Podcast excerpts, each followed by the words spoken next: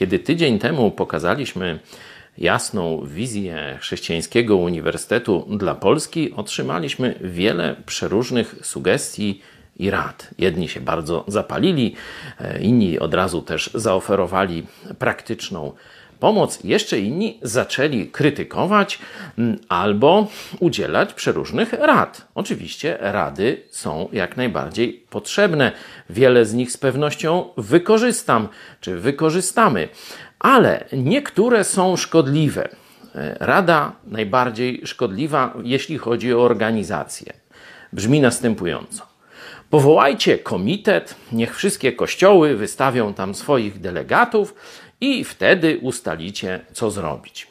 Przypominam, że taki projekt zrobili w Polsce e, komuniści, budując zjednoczony Kościół Ewangeliczny e, i Chrześcijańską Akademię Teologiczną.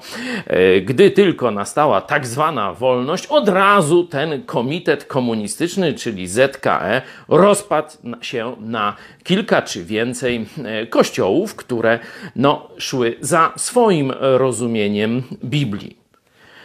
Warto z tego wyciągnąć lekcję. Każdy komitet to jest udupienie przedsięwzięcia.